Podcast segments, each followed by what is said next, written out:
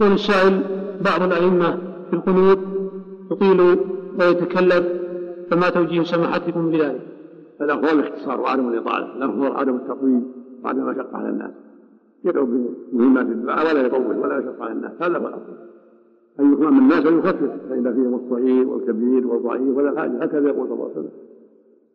يقول السائل هل دعاء القنوت في الوتر بعد التراويح مستحب من أول شهر أم في العشر الأواخر لأن البعض لا يفعله. مستحب دائما هو مستحب الوتر في رمضان وفي غيره